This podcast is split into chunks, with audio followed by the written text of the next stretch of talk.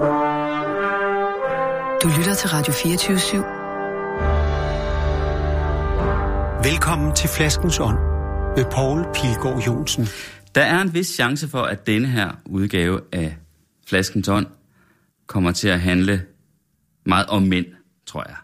I hvert fald så er min gæst i dag på den anden side af bordet her i kanappen karakteriseret ved, kan man måske sige, ved at male, han er maler, at male mænd, der er kravlende, liggende, faldende, altid i jakkesæt næsten, i mærkeligt forvredende stillinger. Nogle gange udstråler de måske skam, andre gange er de i en eksistentiel situation. Hvad ved jeg? Altså, men det er i hvert fald mænd, det handler om. Og så har jeg også læst et citat af ham, hvor han siger, at mænd har glæde af at være sammen alene uden kvinder. Så Peter Ravn, ja. det har vi jo chancen for nu. Ja, det har vi. Velkommen. Jo, tak skal du have. Og øh, ja, du er maler, men du har faktisk ikke været det så længe i betragtning af, at du jo altså er 63 år. Nej, det har du ret i. Siden hvornår? Siden årtusindskiftet, der gik jeg i gang. Altså for sådan, sådan så har du været 20 år siden. Ja, der har du været i midten af 50'erne. Ah. Nej, midten af 40'erne. Ah, ja, det vil jeg også mene. Ja, Men det er alligevel 40'erne. sent at starte en karriere som maler. Ja, men altså, jeg synes faktisk, at, øh, at også når jeg ser mig omkring, at det er i 40'erne, at mange mennesker tager deres liv op til en form for revision. Øhm, og så tror jeg egentlig, at øh, det kan være meget, i hvert fald for mig har det været givetigt, at øh, altså lige gå over på den anden side af perronen og tage et andet tog. øh, Altså, der er jo en lang forhistorie om dig, som øh, jeg synes, det kunne være sjovt at, at tale om. Og i virkeligheden, jeg er jo så gammel også, selvom jeg dog er 10 år yngre end dig, men øh, jeg kan jo huske den gang, hvor jeg næsten lige var kommet til København, og det mest hippe, man kunne gå i, det var tøj fra dit firma, Democrats. Democrats. Ja. Øh, du var den, der fandt på herhjemme at skrive budskaber Ja. på tøjet, ikke? Jo. Altså t-shirt, hvad stod der? Sådan noget med... Øh, kan du huske nogle af de der sætninger, det der stod bestemt, der? jeg kan. Jeg får faktisk nærmest en idé om ugen, eller stadigvæk til noget, der kunne være sjovt at skrive. Men altså, de var jo både over i den ironiske afdeling, og i den mere, sådan skal vi kalde det, oprigtige eller alvorlige afdeling. Ikke? Det var sådan noget med Men der kunne være et, der hed for eksempel Eat More Chemicals. Eat More Chemicals, Øh, ja. Watch More Television Watch More Television, lige præcis. Trust Your... Intuition, det var den allerførste. Trust Your Intuition, var det søde. den allerførste? Ja, ja, ja. Den var meget sådan over i den mere... Ja, hvad skal vi kalde det? Ja, hvad skal man kalde det? Altså, det var jo ikke ironisk, kan Nej, man sige. Men ellers er det jo en ironisk tidsalder, vi er i der i 90'erne, ikke? Jo. Hvor, er vi ikke i midten af 90'erne? Eller sådan noget? Jo, men jeg har altså helt rigtig forstået det der med, at 90'erne skulle være så ironiske, fordi jeg synes, vi bare masser af ironi med os fra både 70'erne og 80'erne, i hvert fald hvis vi taler humor. Altså, jeg mener, Monty Python er jeg rundet af, og det Ja. er jo dybt ironisk. Øhm, Det må man sige. Ja. Men sådan en som Eat More Chemicals, for Ja. eksempel, var jo tydeligvis ironisk. Ikke? Men det var i hvert fald hipt, og især hvis man bevægede sig rundt i Studiestræde og, Ja. ja. og de der små gader øh, ved siden af strøget i København. Ikke? Ja. Øh, og så havde du også øh, lavet musikvideoer, pladecovers. Mm-hmm. Der er nok ikke nogen danskere, der ikke har set nogle af dine pladecovers. Nej, det kan godt være, du har ret det. Hvem lavede du til? Jamen altså, jeg har jo lavet Gangway. Gangway, altså, dem har jeg faktisk lige lavet et nyt gang øh, cover Er til, fordi de er jo lige kommet med en ny plade. Jamen, jeg laver stadig lidt til dem, der står mig Du lavede den der film. Var det ikke en film? Så det var lavede en, vi en Gangway musikvideo, Tyrol. der Jo, i virkeligheden jo, var en hel film. Ikke? Ja, netop. Det er rigtigt. Det er rigtigt. Og så lavede jeg stort set med alle de andre også, ikke? Covers eller videoer, eller... Så har du lavet øh, pladecovers til din ekskone, Anne Dorte Mikkelsen. Ja, det er rigtigt. Og øh, hvem mere? Jamen altså, One, det- two? det start, ja, Kan jeg one, two, jeg Ja. lavede, ja, det er godt husket, øh, det der famøse med... Øh, Hvor de havde hår under Ja, armene? hvor den ene havde hår under armene, ja, ja, ja, som hun var så ked af bagefter, og jeg synes jo, det var meget naturligt. Øh, jamen, jeg tror faktisk, det startede med, jeg gik jo på akademiet på Designinstituttet, og så mødte jeg en Dorte, og vi blev kærester, og hun var så kommet med i sådan et band, der hed Tøsdrengene. Al- altså, hvilket jeg ikke synes var et godt bandnavn. Og øh, så skulle de så på et tidspunkt have lavet et cover, og, og det kunne jeg, så spurgte hun, om jeg ville hjælpe. Og øh, altså, det sagde jeg så ja til, som en eller anden form for sådan damage control. Øh, og så synes jeg egentlig kun, der var en ting at gøre, og det var at tage det der navn alvorligt. Og det havde jeg så øvrigt heller ikke svært ved at identificere mig med, fordi jeg var selv noget af en tøsdreng, da jeg var lille. Så den første plakat, som det var, jeg lavede til dem, det var et gammelt sort foto af en lille dreng, der bare løber grædende hjem til sin mor. Ja. Øh, og så fortsatte jeg med den her øh, dreng, tøsedreng, øh, hvor jeg fandt nogle gamle sort fotos og, og tweetede dem på forskellige måder. Og byggede et lille univers op omkring det. Ja. Peter Ravn, du er også en af de hidtil mest krævende gæster i Flaskenton. Okay. Jeg tror lige, jeg vil læse op fra Nå, vores øh, messenger-kommunikation øh, her. Vi aftaler så, på hvilket tidspunkt du skal komme her til optagelse, ikke også? Og så mm. øh, skriver du, hellere hvidvin end rødvin, please. Så mm. foreslår mm. jeg, ja, og det var et problem, for jeg havde faktisk øh, forberedt en rødvin, vi skulle drikke. Nå. Okay. Men den var så gået i vasken. Har du ikke sprunget over det første spørgsmål, om, du skal drikke... Øh... Nej, nej, så skriver jeg vermut. Nå ja, okay. Og det er så fordi, jeg har faktisk jeg har fået en flaske vermut, som angiveligt skulle være det sådan hippeste i år at drikke. Så tænkte jeg, det kunne det være meget sjovt at drikke med den. Mm-hmm. Du svarer, vermut? Helst ikke, hvis jeg må være så fri. Så skriver jeg OK. så skriver du lidt senere. Og hvis jeg må være møgbesværlig, så er jeg ikke vild med Chardonnay. Ellers er jeg helt åben. Ved du har god smag. jeg svarer så, du kan ikke lide gamle hvide Bourgogne? Og lidt senere, stor gammel hvid Bourgogne, give it a try. Du svarer, er ikke så vild med de fedtede, fadlagrede, mere til frisk, men klart, I'll give it a try. Ja. nu står de altså her øh, ved siden af os på bordet her, og øh, så må vi prøve, jeg er bange for, at vi øh, i hvert fald med den første her er ude i noget, som er den slags, du måske ikke prøver dig så meget men nu må vi se. Let's give it a try. Og så har jeg den samme vin i en yngre overgang her. Okay. De er i hvert fald, der er med at skænke så meget op. Wow, en farve. Ja, hvor, men det er jo også, fordi det vi har her, det er en rigtig gammel hvid Bourgogne. Mm-hmm. 2001, okay. stort år ja. øh, for hvid Bourgogne. Mm-hmm. Det er Chateau Frisé, som er en af de, hvad skal man sige, legendariske ejendomme i det område, der hedder Puy Fusé. Mm-hmm. Og Puy Fusé er en del af Macon, mm-hmm. som jo er sådan et udkantsområde i Bourgogne. Okay. Så det vil sige, det er ren Chardonnay det her, som jo er den hvide drue, man bruger i Bourgogne. Og, øh, og den har meget alder. Øh, den har ikke... Øh, altså grunden til, det er ikke vinene fra øh, Purificer, er ikke nogen, man normalt tænker kan gemmes specielt længe. Men den her kommer direkte ned fra ejendommen, hvor den har ligget lige siden den, øh, den blev hældt på flaske. Okay. Øh, og det er simpelthen, øh, hvad hedder det, øh, kollektion privé. Altså det er simpelthen deres... Øh, Ja, og det puttet i en meget eksklusiv flaske, kan du se, altså mm-hmm. som på alle måder er. Ja. Og den er også meget, meget tung. Ja. Og så er den jo forsejlet med, har den været forsejlet med øh, det her, den her særlige øh, lak. Ja. Øh, lukning. Men altså, øh, det, er simpelthen, øh, det er simpelthen deres allerbedste mark i et fantastisk år, og ligget trygt og godt nede i kælderne, og så kommet herop for ganske få uger siden. Okay. Lad os prøve, og ellers så har jeg en anden til dig. Det lyder godt. Skål, Paul.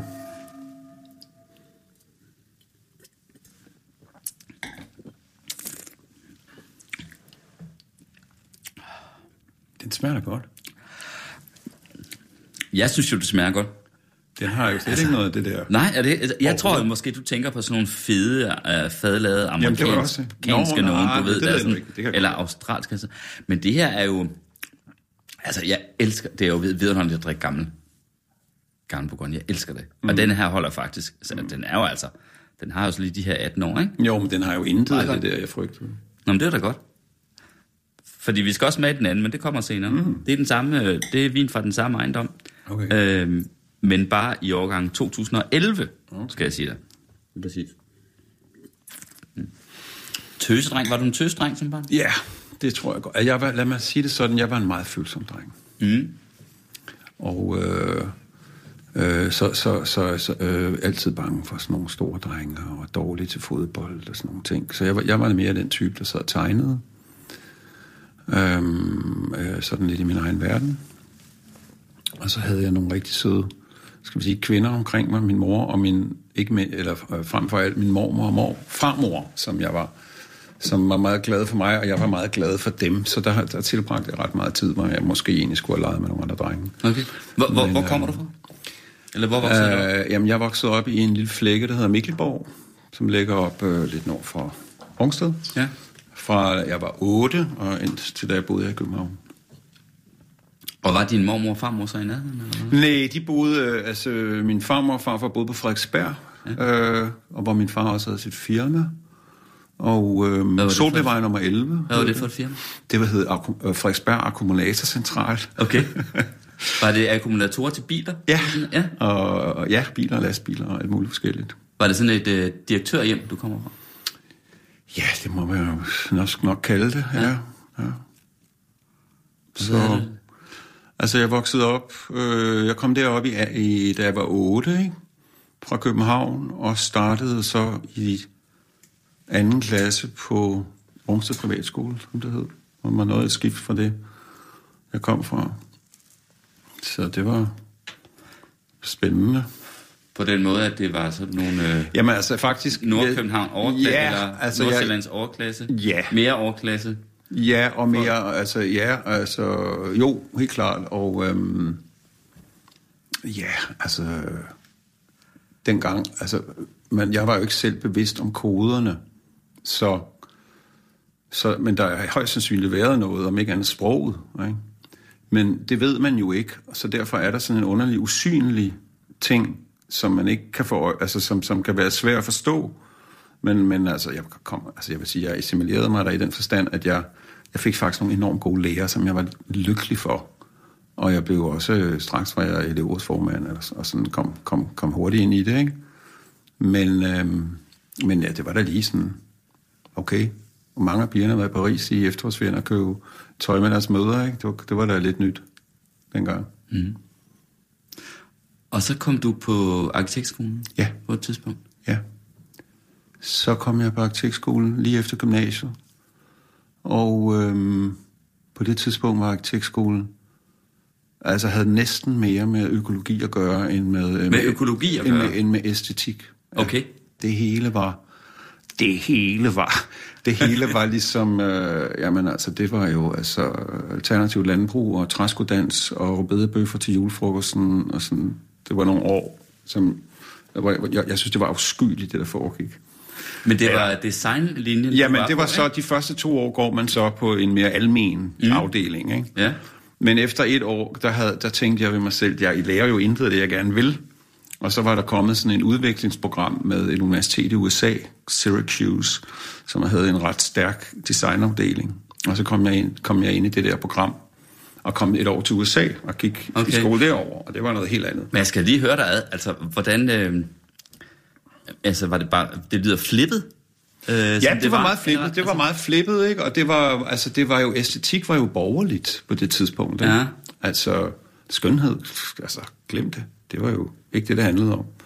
Og, og, og jeg, politisk var jeg for så vidt enig, hov.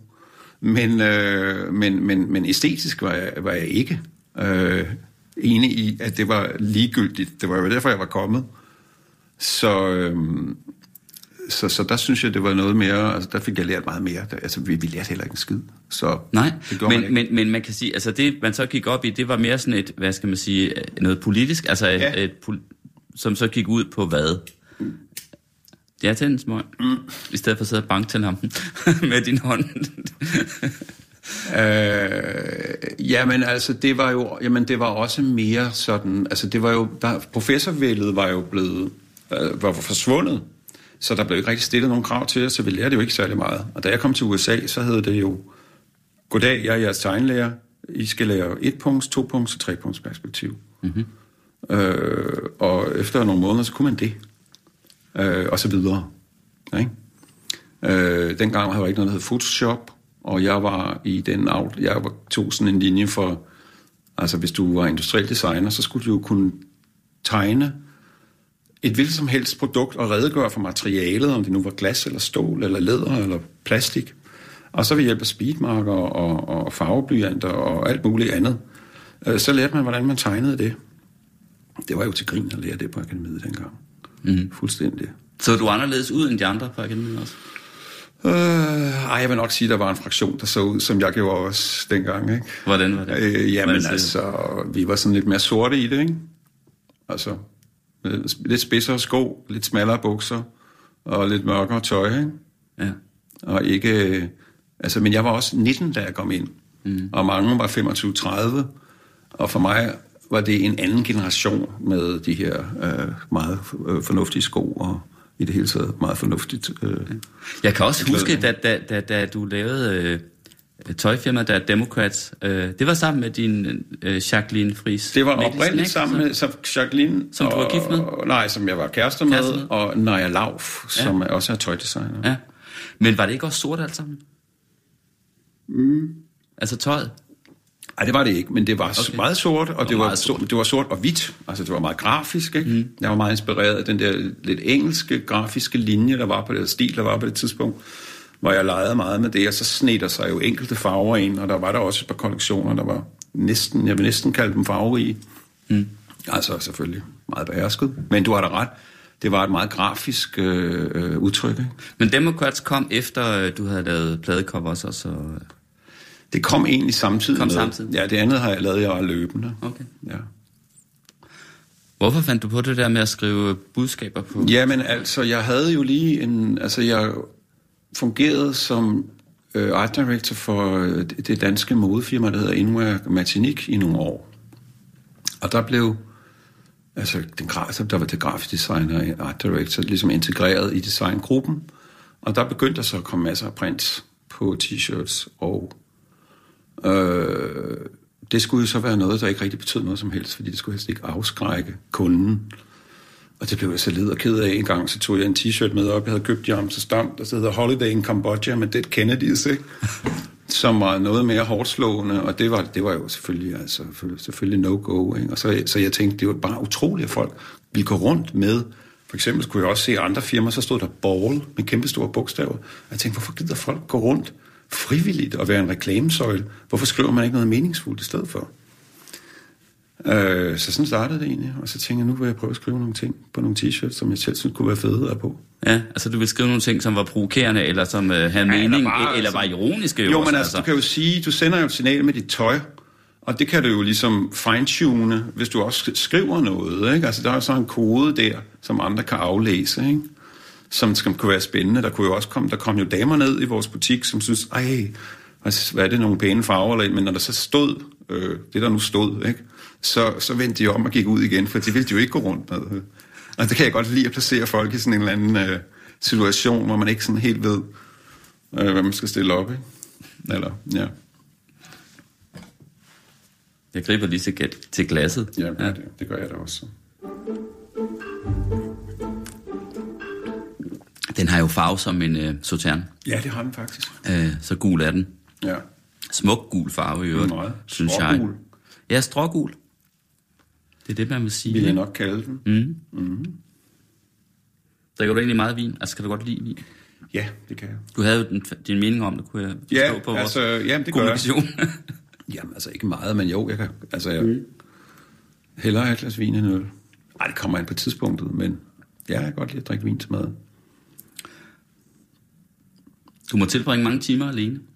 Ja, det gør I jeg. nemlig. atelier? Ja, det gør jeg. Og det tror jeg også, altså det tror jeg også, man kan sige, de første 20-30 år af mit arbejdsliv var meget sociale. Og det havde jeg det fint med. Altså jeg havde overhovedet ikke kunne bure mig inde og sidde og male som i 20'erne. Der var jeg alt for nysgerrig på verden. Og øh, man kan også sige, at jeg var faktisk ikke tiltrukket af den sådan, traditionelle kunstverden. Den synes jeg virkede meget lukket. Da jeg var ung, var det, altså, kilden sprang jo inden for musikken. For musikken. Musikken, Ja. ja. altså, altså, det var der, det hele kom, at kreativ, det var jo en kreativ, kreativ eksplosion af musik og tekster og covers og styling af de her musikere. Altså den, især den engelske tradition, hvor de jo har haft, havde de her art schools, som både Lennon og Bowie og hvad det hedder, alle sammen kom fra. Som jo også på en, ja, altså der, der havde de jo et bud på det hele, fordi det var sådan en bred kunstnerisk uddannelse. Ikke? Så det synes jeg var meget mere spændende. Øh, og derfor så havde jeg en fest med sammen med en masse musikere og venner og så videre og lave de her ting. Men så kunne jeg også godt mærke, altså så kunne jeg mærke der omkring 40'erne, at jeg synes, jeg havde aftjent min værnepligt inden for ungdomskultur. Og jeg trængte til at fordybe mig i noget. Øh, og derfor havde jeg havde faktisk spor imod og, og, og et mere ensomt liv. Jeg vil heller ikke kalde det ensomt, altså det er jo bare et, et ene, når man er alene. Og det, jeg elsker faktisk at være alene. Og jeg kan faktisk huske, at jeg tænkte, hvornår har du egentlig, altså hvornår havde du det for eksempel, altså hvornår havde du det rigtig godt, sådan rent kreativt. Og det havde jeg faktisk, da jeg som stor dreng sad på mit værelse og tegnede. Det kunne jeg nok godt lide. Så jeg kunne mærke, at altså, der var mange ting, der faldt sammen. Men det var da helt klart en af dem, at jeg kunne sagtens forestille mig at sidde, høre musik, eller ikke høre musik, og male timevis. Ikke? Det, det trives jeg fint med. Hvor har du dit atelier hen? I skade. Der, hvor du bor også? Der, hvor jeg bor, det er jo et, det, der hedder Kunstnerhjemmet, som, mm. som den gamle stadsarkitekt Ferdinand Meldal fik, fik, fik bygget, da København gik over sine bredder. Uh, der altså var, kom uden for voldene? Kom uden for voldene, ja bredt sig uden for voldene, da man, ja. da man nedlagde volden, ikke? Lige præcis. Ja. Jeg, og er det, det, bygningen der kender jeg godt, mm. øh, og, øh, og jeg synes faktisk, det er værd lige at riste en rune over den. Altså, mm. Der er nok mange, der ikke ved, at der ja. ligger sådan ja. et sted. Øh, I dag er det jo meget, meget centralt i København. Ja, det er det nemlig, ikke? Og der burde jo være nogle flere den slags. Lige Men altså, ja, og, og Meldal, han havde været i Rom og besøgt, de, han var selv arkitekt, han tegnede Søtorvet blandt andet. Øhm, men på det tidspunkt... Og Frisenborg. Ja, og... Slot og, på og, Djursland. Okay, ja. ja det, ved Hamel. Okay, ja. ja. Hvordan ser det ud? Det er stort. Ja, okay. Ja, er meget stort. Han var meget fransk inspireret, jo. Ja, det kan man se på pra- Der er meget pragt ja. øh, over ja, det, ikke? Jo. Altså, øh... Men det er faktisk ikke ham, der har tegnet det her hus. Det gav han så videre. Ja, men det var hans idé. Ja, til og det han havde været i Rom og besøgt de danske kunstnere dernede, og de havde klaget deres nød over de her fugtige loftværelser, de sad i ude i Ravnsborgade. Og så havde han spurgt dem, hvad, hvad kunne I tænke jer? Og så siger de, men altså en værdig bolig, hvor man kan bo med sin familie, med et stort atelier i den ene ende. Og, og jeg synes, det er det, det ideelle kunstnerliv, øh, fordi øh, så kan man gå ind og kigge på det om aftenen, og slipper det aldrig helt. Så det passer mig fint. Så, så blev den her bygning opført. Kan jeg vide, hvordan pengene er kommet til Jamen, det, han samlede et konsortium, og han måtte faktisk slås med militæret, fordi de ville bare gerne sælge ejendommene. Men han var inspireret af den franske byplanlægger Baron Osman, som Napoleon den anden hyrede til, altså i virkeligheden mest efter nogle revolutioner og sådan noget, at rette op på de der boulevarder, så man kunne komme helt ind med æren. Ikke? Det er jo det, boulevarder og pladser er til. Det er så, hæren kan komme ind. Ikke? Øhm, og så var, var, var, var det jo den samme situation i Paris, hvor folk kom fra landet i tusind, altså hundredtusindvis, øh, millioner, altså. Og der var det, han sagde, øh, inden det her bliver en stenørken, så lad os frede et stort grønt bælte, øh, så vi har nogle parker. Og det er blandt andet derfor, vi har alle tullerierne og så videre dernede. Ikke? Øh, og det var Meldal inspireret af, så han sagde så, nu hvor vi bygger uden for, for, for voldene, så lad os, lad os lave et grønt bælte. Og det har vi jo så, det start, du kan sige, det starter med Tivoli, så er der afbrudt af banegraven, så kommer jo Ørstedsparken, så er sjov nok vores blok, hvor det hus ligger, så er blevet bebygget, men så kommer Botanisk Have, Østeranlæg og Kastellet. Ikke? Og det kan vi faktisk tale, så det takke Meldal for. halvcirklen ja. om Københavns ja. indre by. Ja, og havde det stået til militæret, så havde de udstykket hele lortet og tjent en masse ja. penge på det. Ikke? Så det skal vi, kan være, at vi lige skal udbringe skål for Meldal. Ja, det kan vi da godt. Lad os Fordi det synes jeg faktisk, at vi skal være rigtig glade for. Skål. Skål. Drik bare ud, så skænker jeg imens. Men jeg skal lige høre, for jeg har faktisk aldrig været inde i bygningen. Den er jo meget prægnant at se på øh, ja, udefra. der blev gækken slået løs, som, ja, som man siger. Ja, hvad hedder det? Man kan ligesom se, at øh, her handler det om kunst på en ja. eller anden måde. Det kan man se på bygningens facade. Ja, dels er der jo øh, ateliervinduerne, ja. og så er der den her frise op for oven, hvor de forskellige øh, altså, discipliner ligesom er afbildet, ikke? De forskellige kunstneriske discipliner. Ja, ja. Og så netop de store vinduer, som, som jo altså så er øh, ind til atelierne. Ikke? Som er ind til atelierne, og jeg er så heldig her, at der er nordvendt, og det er det ideelle, når du maler, fordi så skifter lyset ikke farve i løbet af dagen. Ah. Og så er det sådan, at jeg bor faktisk på første sal, fordi det, altså, det var til akademiuddannede maler, billedhugger og arkitekter. Og jeg stod jo på vinterlisten i 23 år og bor på første sal. Uh, og det er til arkitekter. Og så er resten af huset malere. Og de tre store, der er tre atelier på hver etage. Og i stuen er det så billedhuggerne. Og hvis du lægger mærke til det, når du kører forbi næste gang, så er der sådan nogle store porte, og det er selvfølgelig for, at de kunne få deres rytterstatuer ud af en dernede, ikke, når de arbejdede på dem. Ikke?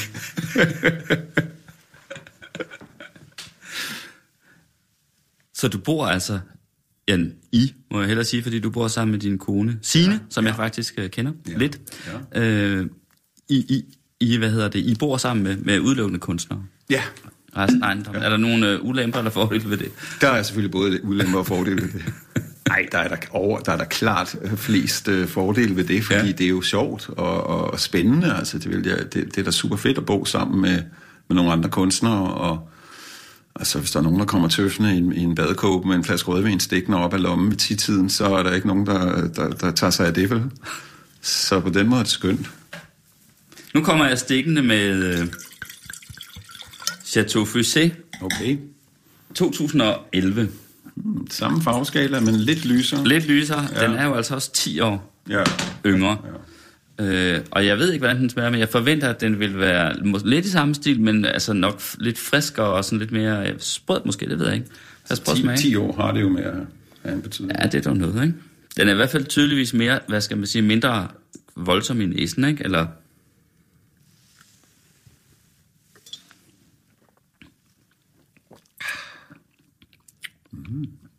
Den er sådan lidt mere Chardonnay, Ja, som så du er faktisk i virkeligheden mere til den første. meget lidt, ikke? Den er Ja. ja. meget lidt af det, ikke? Men Ja, ja, jo, altså hvis det skulle være, men jeg synes, hun smager glimrende. Mm. Ja. Og så det er også, altså, men den har en lidt anden, øh, den har en lidt anden etiket. Den første her, det er jo sådan deres luksuskøvé, der har ligget i deres egen kælder, Ja. øh, kollektion Pri- Privé, mm-hmm. øh, Privé, og den har de virkelig gjort meget ud af. Det er en mere almindelig flaske, den her. Og så med, og en, også en anden etiket. Men der er jo altså noget over de her vinetiketter, ikke? den er skøn. Altså, men ikke bare dem, men i det hele taget mener jeg over vinetiketter, ikke? Altså det der, ja. det er jo- ja, jamen jeg elsker det. Jeg elsker i det hele taget alle former for, hvad hedder den slags, altså... Øh, jeg var lige, jeg kom, jeg kom tilfældigvis, faldt jeg over, kan du huske gamle dage, der havde man jo det, der hedder en ex libris i bøgerne, altså fra en eller andens bibliotek, ikke? Ja, altså det var jo simpelthen, hvad skal man sige, øh, ja, det- var de bøger, man selv ejede. Ja, hvis du havde en bogsamling, ikke? Ja. Ja. og du for eksempel lånte ud, ikke? så var det sådan en måde, altså i stedet for at skrive, jeg skal lige skrive mit navn, så Ja. ja. du ikke glemmer det min, ikke? så havde man ligesom den her ex libris. Men, men det, der er specielt ved den her, er, at det er meget klassisk fransk, det her med, at du har en skrift, og så har du en slagskygge. Du kender det fra facaderne, ikke? Så er de måske øh, øh, mørkerøde eller blå, og så er der en hvid eller en sort slagskygge, ikke? Mm. Men de er alle sammen skråt. Lyset kommer skråt oppefra fra venstre, men her, der bevæger skyggen sig kun til højre og ikke ned. Mm. Det er sådan lidt avanceret. Gud ja, altså det, men det skal man jo være, hvad skal man sige, øh, øh, billedorienteret øh, for at opdage. Det har jeg jo ikke tænkt på, men det har du ret i. Ja, den der slet ikke, faktisk. Nej, ikke på den anden, men på den øh, 2011, vi sidder og kigger på etiketten af nu. Ja. Jeg vil lige sørge for at øh, fotografere den, så, øh, Nå ja. så man kan se den, når jeg nu tager et billede af dig, mm. øh, efter vi er færdige og lægger op på Facebook, ja. Ja. dagen efter, at programmet er sendt. Ikke? Øh, så der kan man altså se den, hvis man øh, mm. går ind og følger mig på Facebook. Mm. Nå, du har taget en cigaret mere. Så tror jeg altså også, jeg tager en. Altså, er det noget, Ja, du altså, tænker, er det ja, noget, det du er tænkt dig at nævne hver gang, man tænder en smøg? Nej, jeg skal nok holde op med den nu.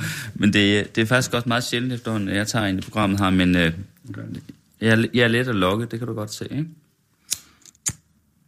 Jeg kender det. Mm. Der er jo mange, der vil mene, at en mand, mand i din alder virkelig skulle se at holde op med Ja, men jeg er også holdt op med at ryge. Jeg ryger kun, når jeg drikker god vin. Okay. Mm-hmm. Men du er holdt op med at... Altså, du har røget. Jeg har røget mere, men jeg har ikke røget de sidste 20 år, sådan on a daily basis overhovedet. Okay. Altså, men altså, du ved, når der sådan er en situation som den her, så kan jeg godt lide at tænde, tænde smør. Hvad tænker du om din alder? Ja, hvad jeg tænker om den? Ja. Jeg tænker, det er et sekstal eller et tretal. Øh, jeg tænker jo, altså jeg tænker, det er, det er en vild alder faktisk. Altså, Det er en vild alder? Det er en vild alder, fordi du har en masse, du kan huske, og samtidig så tager jeg stadig trappen op i hver tredje trin, du ved, når jeg har- fart på. Ikke? Så det er sådan en sjov blanding af at være altså, ung og gammel. Ikke? Jo. Du har også et, øh, du har en relativt ung kone, Ja, jeg har, det har jeg. Hun er små 20 år yngre end mig. og I har, øh, Ja, så har jeg fået to drenge. Ja. Vi har to drenge på 13 og 15. Ikke? så du har en på 13. Ja, og så har jeg så en ældre datter, Olga, og som med, min, med en daughter, ikke? Præcis. og hun er 33. Olga Ravn, ja, altså, som jo er, hvad skal man sige, øh, jo nærmest den mest fætterede unge digter, Ja, der er herhjemme. Mm. Ja. Er du vokset op sammen med hende? Altså, vokset- eller, hvad- eller undskyld, selvfølgelig. omvendt, er hun vokset op sammen ja, ja, med dig? Ja, vi har haft 50-50 lige siden vi blev skilt. Ja. Så, ja. så det er jeg bestemt. Klart. Ja. Hvad tror du, at du har kunnet give hende, som, øh, som hun står på, om jeg så må sige? Altså, og har kunnet, hvad skal man sige, allerede i så ung en alder? Det hele? øh, Nej, selvfølgelig. blive så stort et navn, som hun er? Jeg ved det ikke. Altså, jeg vil sige, mm, vi er begge to meget sprogligt funderet af en dårlig jeg. Altså, vi har altid haft det sjovt med sprog. Olga er faktisk også god til at tegne, det er der ikke så mange, der ved, men det er hun. Hun er helt bestemt også meget visuel, ikke?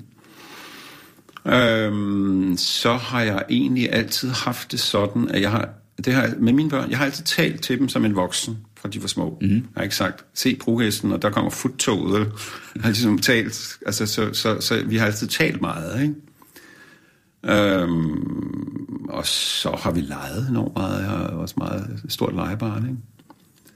Øh, og så tror jeg også, hun har set, at det kan lade sig gøre at leve den type liv, som vi lever. Altså, der er jo hverken en dårlig, jeg har nogensinde haft et, et fast arbejde. Øh, og det kan man jo godt øh, komme igennem livet med. Mm. Så det tror jeg måske også er betydeligt. Mm. Det er interessant det der med, hvordan man taler med sine børn, ikke? Jo, Altså, og jeg tror, du har ret i det med, øh, at det er godt at tale til sine børn det tror jeg bestemt. Altså. øh, på en, om så må sige, voksen måde. Ja. Altså, Jamen det tror jeg også, ikke? Og så er jeg i det hele taget et meget meddelsomt menneske. Øhm, så, så, vi, så vi har altid talt meget, meget sammen, og det har, jo, det har det jo med, med at smitte af, ikke? Så, så vi har altid talt enormt meget sammen, ikke?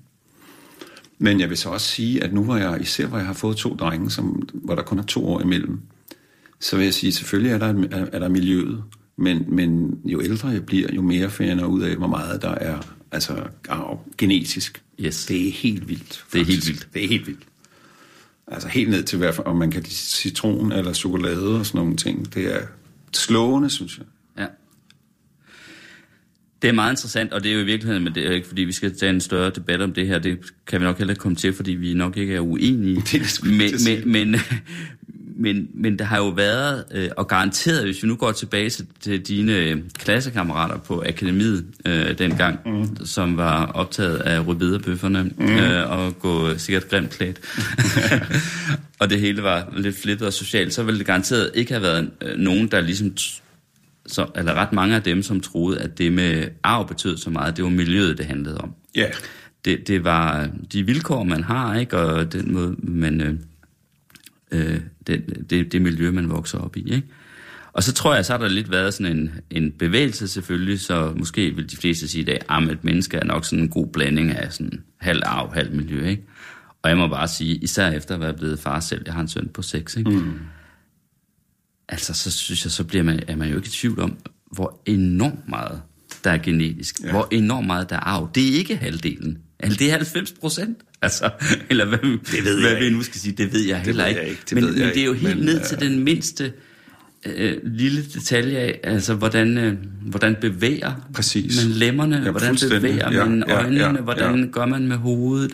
Jamen, det er rigtigt, det er Altså, jeg- er- jeg- jeg- jeg og, ser- og, og det, ja. det også betyder, er jo, at man, hvad skal man sige, det har sikkert også sådan en udviklingsmæssig øh, betydning i forhold til, hvad hedder det, øh, hvis vi går i, i forhistorisk tid med at genkende sine børn, og, øh, og det var det, man skulle tage sig af, og Ja, ikke af ja. de andres børn i, mm. i, i flokken der Ja, øh, ja. på bopladsen, ikke? Jo. Altså, at man jo øh, genkender sig selv i de der børn, Ja, altså- og man, man, får- man ved, når han ser sådan ud, så har han det sådan, Også det. Ja, det inde i rigtigt. sig selv, Ja, det for det ved jeg fra man kan mig selv. aflæse det. Ja, Man det kan aflæse. Det det. fuldstændig Så let. Ja. Altså- Men de aflæser jo også dine bevægelser. Præcis. Altså, og sådan noget, jeg mener, det er jo ikke så nødvendigvis genetisk det hele, for det er jo også noget med, når du ser nogen altså, gå på en bestemt måde. Ikke? Altså, det, det, det, det, det, altså, der er jo en form for identifikation med det. Ikke? Så det kan være svært, ligesom at sige, hvad der er. Men ingen tvivl altså, om, at det betyder rigtig meget.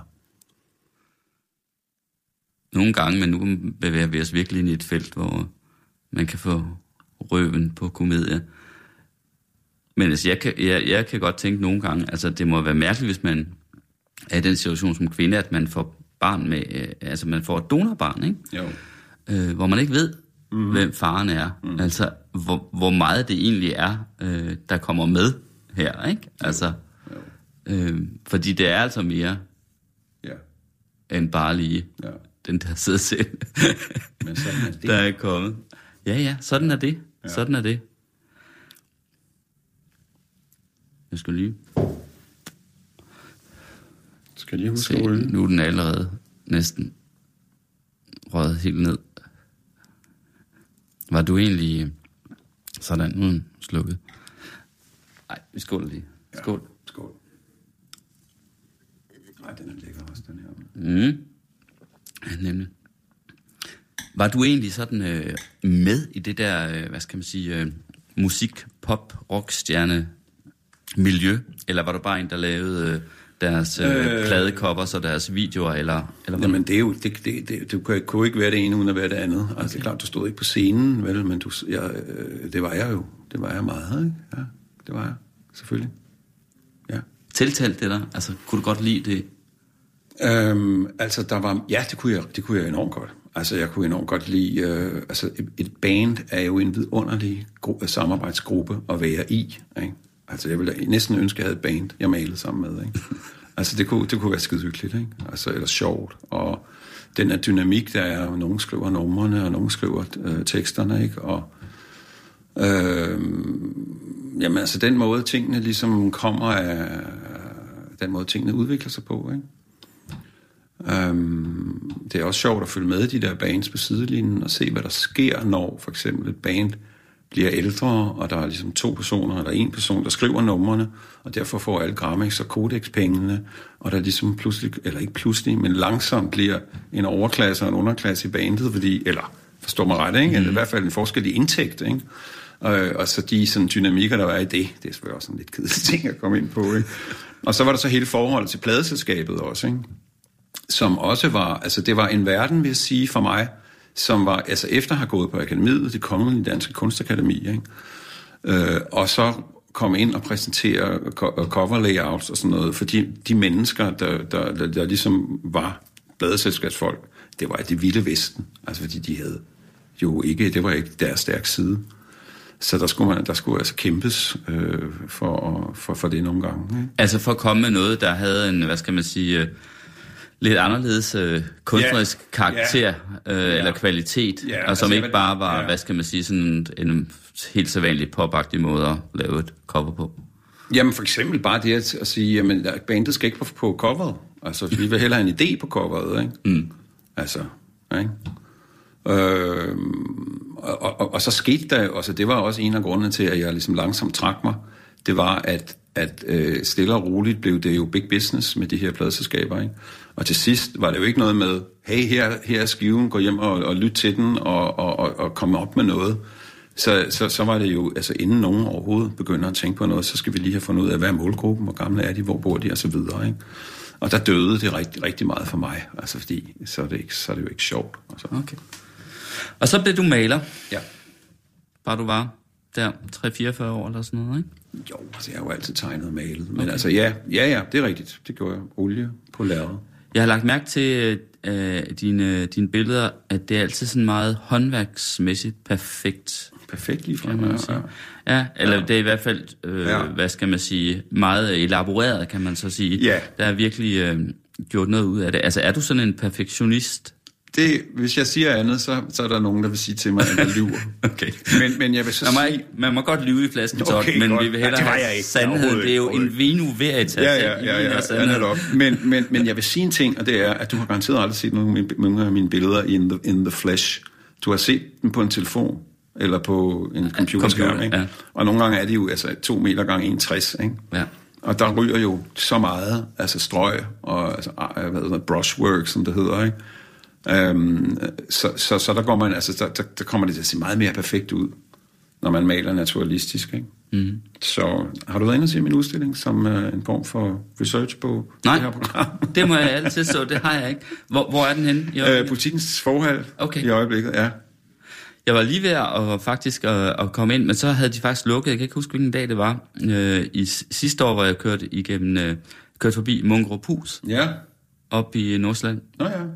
Så du den? Som er et dejligt, dejligt sted. Skønt sted. Hvad hedder det? Øh, øh, det er virkelig et fantastisk sted. Helt vidunderligt. Sådan en gammel rimandsvilla Ja. øh, ud til havet, Ja. og som så er blevet til... Og det er jo sådan sjovt, fordi det har jo stadig sådan lidt præg af...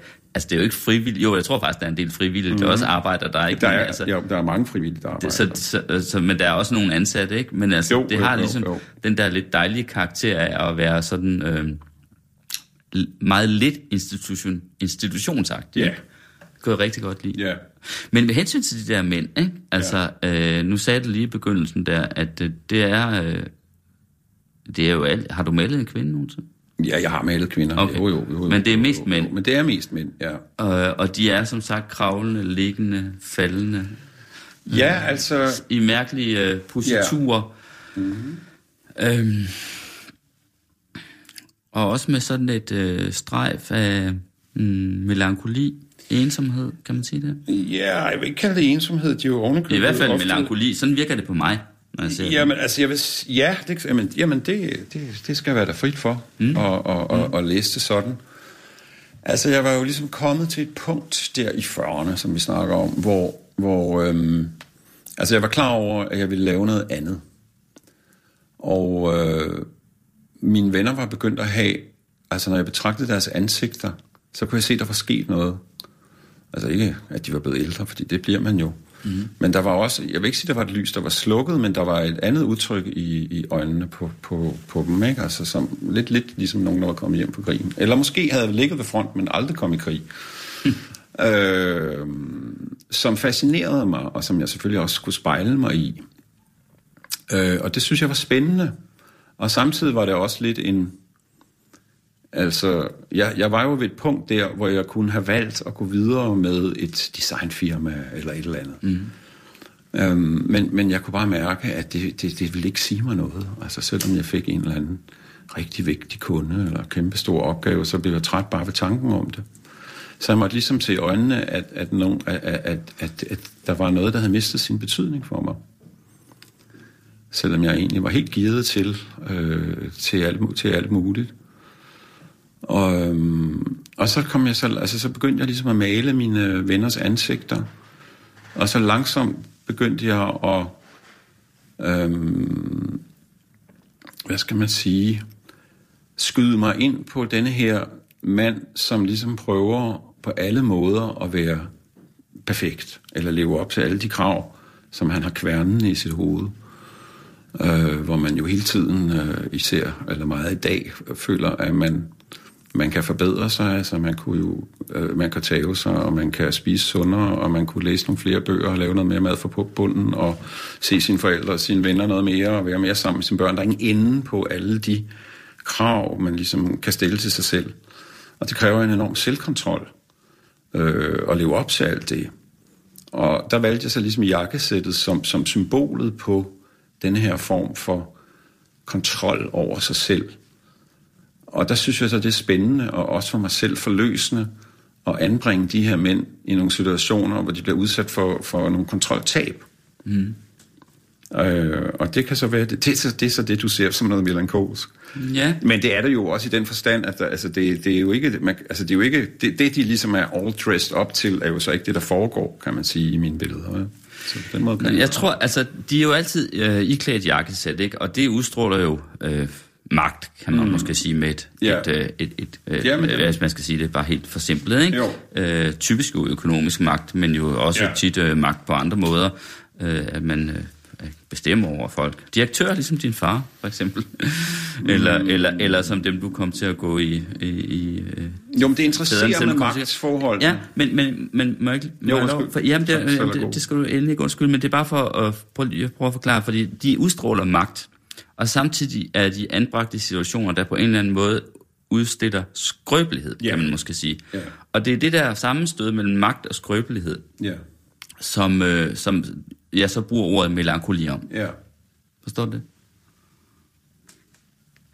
Det forstår jeg øh, til fulde. Uh, og det er, også, det er jo det, jeg synes er spændende, også fordi, at altså, dels er jakkesættet jo en måde at stive sig selv af på, og en, en, en, en, et, en, en kode, som man kommunikerer med andre med. Jeg er også en af dem. Men så er det altså også noget med, at hvis du gerne vil anonymisere en mand, Altså hvis jeg gik i gang med øh, traditionelle identitetsmarkører som t-shirts eller jeans eller mærkelig hår ja. eller ring i øret eller noget, så vil, du, så vil det pludselig blive meget sådan konkret, når han er sådan en. Ikke? Vi kender godt dem. Ikke? Så det er ligesom en måde at holde dem fast i, i det. Ikke? Og så, så, så synes jeg, det, ja, det interesserer mig med de her magt, altså de magtforhold, der er mellem mennesker. Øh, og, og, altså jeg maler for eksempel i mange situationer med to mænd, Øh, du kan for eksempel have måske en mand, der kravler væk, og en anden, der holder fast i ham. Ikke? Og det kan du læse som en, helt klart som en corporate ting. Chefen og den ansatte, ikke? Du kan også se det i en familiesammenhæng, faderen og sønnen, eller datteren, moren og datteren. Mm. Der er mange kvinder, der kan relatere til mine billeder. Men du kan også se det som et udtryk for, at det er den samme mand. Altså ofte har de det samme tøj på. Ikke? Altså den samtale, man har med sig selv gennem livet, hvor man siger, øh, altså hvor en del af dig siger, måske skulle vi prøve at bevæge os i en anden retning. Mm. Og så er der den mere, hvad skal vi kalde det, eksperimenterende eller et eller andet, fantasifulde, og så er der den mere fornuftige side, der siger, ej lad os nu lige blive her, hvor vi plejer at være, hvor vi ved, det er trygt, eller fornuftigt at være. Mm. Og den samtale, synes jeg, som, som jeg tror, som alle mennesker har med sig selv, synes jeg er enormt interessant. Men, men den afsted kommer jo også sådan en slags, hvad skal man sige, fornemmelse af hmm, sådan eksistentiel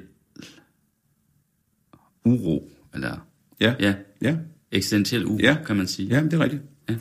Altså min sidste, øh, den udstilling inden politikken lige nu, den hedder Aflåst Sideleje. Og du også noget... Øh, ja. Men jeg havde en udstilling sidste år øh, hos Galleri Kant, som jeg kaldte It Was His Own Fault, og ikke hans His Own Fall. Ikke? Øh, som, hvor, hvor, jeg, hvor, hvor, hvor jeg ligesom arbejder med de her mænd, som på en eller anden måde falder igennem, eller falder.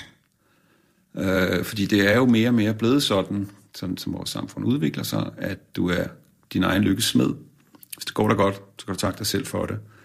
Bagsiden af det er jo, hvis det går dig dårligt, så kan du også takke dig selv for det. Selvom der er nogle strukturer i samfundet, der gør, at det er måske overhovedet ikke noget, du kunne gøre, have gjort noget som helst ved, Øh, og der kan du jo falde hele vejen igennem det sociale sikkerhedsnet efterhånden, som, som maskerne bliver større og større. Ikke? Øh, plus, jeg tror også, og det har jeg ofte talt med, med mænd om, øh, at man kan have en længsel efter simpelthen bare at give slip og gå i hunden, eller i hvert fald bare give efter og sige, fuck om jeg gider det, altså, eller hvad der nu kan være, man synes, man skal, man skal præstere. Ikke? Øh, og det synes jeg også er en vigtig samtale at have med sig selv. Har du oplevet den længsel selv, efter ja, bare at give slip? Ja, nej, altså det, det vil jeg sige, det er lidt det, jeg har gjort, altså ved, og det var jo pænt øh, satset at begynde at male øh, i 40'erne med ny kone og to små børn, ikke? Øh, og Sina sagde også på et tidspunkt, hvad, hvad er egentlig din plan B her, ikke? det, det vil jeg gerne lige have lov at tænke over. Og så måtte jeg så sige, der er altså ingen plan B. Altså det er, det må bare bære eller briste, ikke? Mm. Øhm, og, og det var egentlig nervepirrende, men samtidig giver det jo en helt ny sult på livet, i stedet for at du ligesom reproducerer, hvad du plejer af, eller gør, hvad du plejer, eller sådan et eller andet i en naturlig forlængelse. Men, men Peter Ravn, du virker ikke på mig som en, der egentlig kunne gå i hunden. Ah, Nej. Paul. Kunne du det? Nej, det tror jeg Det ved jeg ikke. Hvad betyder det egentlig?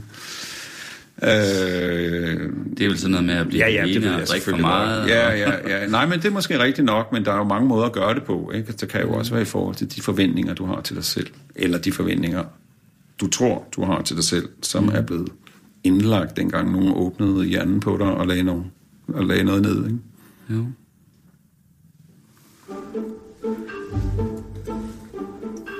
Vi har ikke så lang tid tilbage. Det passer meget godt med mængden af okay. af vin i glasset her. Der er måske lige to slukke tilbage. Jeg ved ikke, hvor meget du har. Mm. Det passer også. Det passer meget godt.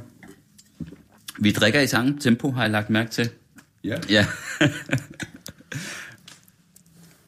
det jeg nævnte i begyndelsen, øh, jeg havde læst et citat af der sted om, at mænd, mænd har glæde af at være øh, sammen alene uden kvinder. Ja, ja. Og, og, og, og, og det har kvinder der i høj grad også af at være sammen uden mænd. Mm. Ja. Og det, det, det, det er jo ikke så svært at forstå. Det er jeg sikker på, at du forstår. Men, men, men det er jo det her med, altså at... Øh, jamen altså, så er der jo så, så er der en, en hel masse... Så kan man netop tale om de der ting på en anden måde. Altså jeg har selv for eksempel en gruppe mænd, jeg har holdt en herrefrokost med igennem, ja vi prøvede at regne det ud, men det er langt over 20 år, hvor for nogle år siden kom der et nyt medlem af introducerede jeg en, en, en, et, et nyt medlem, og så var der så en anden, der sagde, da han så kom ind, så mødte han, så han en af kendte, sagde, hvordan går det? Og så sagde vedkommende, øh, vil du bare have et hurtigt overfladisk svar, eller er du, for, er du oprigtigt interesseret i, hvordan jeg har det? Og så sagde han selvfølgelig, jamen jeg vil selvfølgelig rigtig gerne høre, hvordan du har det. Og så snakkede han i 20 minutter om sig selv. Og det var jeg faktisk helt fantastisk. Og så sagde jeg så til det, til nye medlem, så synes jeg egentlig også, du skulle øh, prøve at, at, at, at fortælle om, hvordan du har det.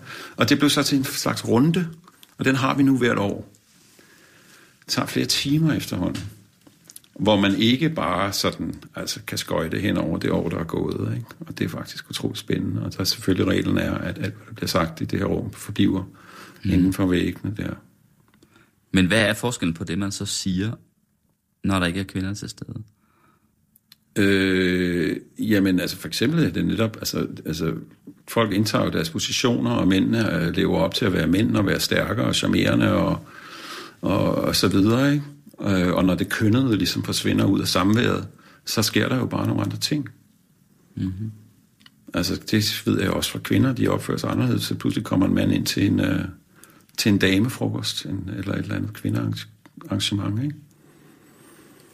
Og så øh, er der jo også nogle ting, som interesserer mænd, som ikke interesserer kvinder så meget, som man så måske prøver at begrænse i et blandet selskab, men hvor man så kan give den gas, når man kun er, kun er mænd. Ikke? Mm. Jeg havde tænkt mig, at vi skulle bruge de sidste minutter øh, på, at du lige skulle fortælle mig en historie, som jeg faktisk har læst om. Måske, jeg tror faktisk, øh, i en avis mm-hmm. på et tidspunkt. Mm-hmm. Øh, det kan også være, at du har skrevet det på Facebook måske. Jeg kan ikke huske det. Okay. Øh, men... Øh, du lavede et maleri på et tidspunkt, som øh, blev forbudt Ja. i Rusland. Nej, det blev ikke forbudt i Rusland. Det blev bortcensureret til en udstilling i Hanoi. I Hanoi? Ja. I Vietnam? I Vietnam. Okay. Øhm, der var, Men der var noget med Rusland? Ja, men det var fordi, det var Putin, jeg havde malet. Ja. Jamen, det var... Øh, på et tidspunkt var der et statsbesøg i Hanoi, hvor øh, vi var en masse danske kunstnere, der var inviteret over i, i den forbindelse. Og formatet for kunstnerne var noget, der hed Emergency Room, hvor du så hver dag, eller hver anden dag i hvert fald, i en periode på 14 dage, øh, kan lave et værk, som kommenterer på noget, der sker i verden. Og på det tidspunkt, der havde Putin øh, strammet reglerne for homoseksuelle i øh, Rusland. De måtte ikke gå i hold i hold i hånden, og de må ikke mm. mødes og have klubber og sådan nogle ting. Øh, og samtidig med, at han ligesom selv kørte, førte sig frem som sådan ekstremt macho-agtig og, red, og red på vilde dyr og i bare overkrop og sådan noget, så synes jeg, der var noget der, der kunne være spændende. Så derfor så valgte jeg, eller derfor så malede jeg ham som kvinde, og så satte jeg ham ind i øh, dronning Dagmar, altså du ved, den danske prinsesse, Ja, som Europas svigerfars datter, netop, ikke? Fandt jeg hendes skrud på, på nettet, og så malede jeg så Vladimirs ansigt ind i det, og gav ham selvfølgelig make op på og så videre, ikke? Og det havde jeg klar til den morgen, selvfølgelig den morgen, hvor, hvor jeg tror, det var kronprins Frederik, der skulle komme og se udstillingen.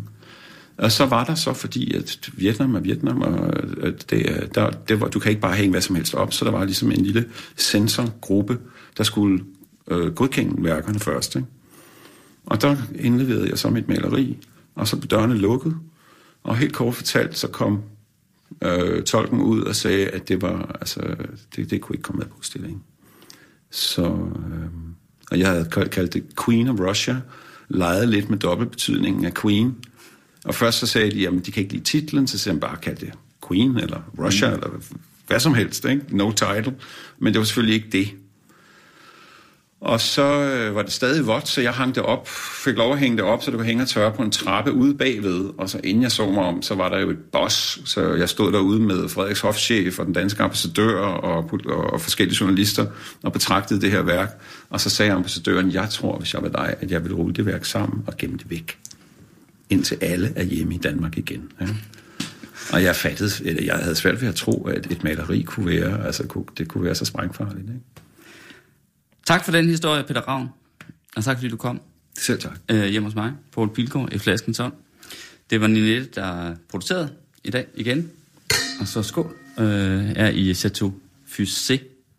Det var sgu ret godt. Eller det er ret godt, ikke? Jo. Du lytter til Radio 24 /7.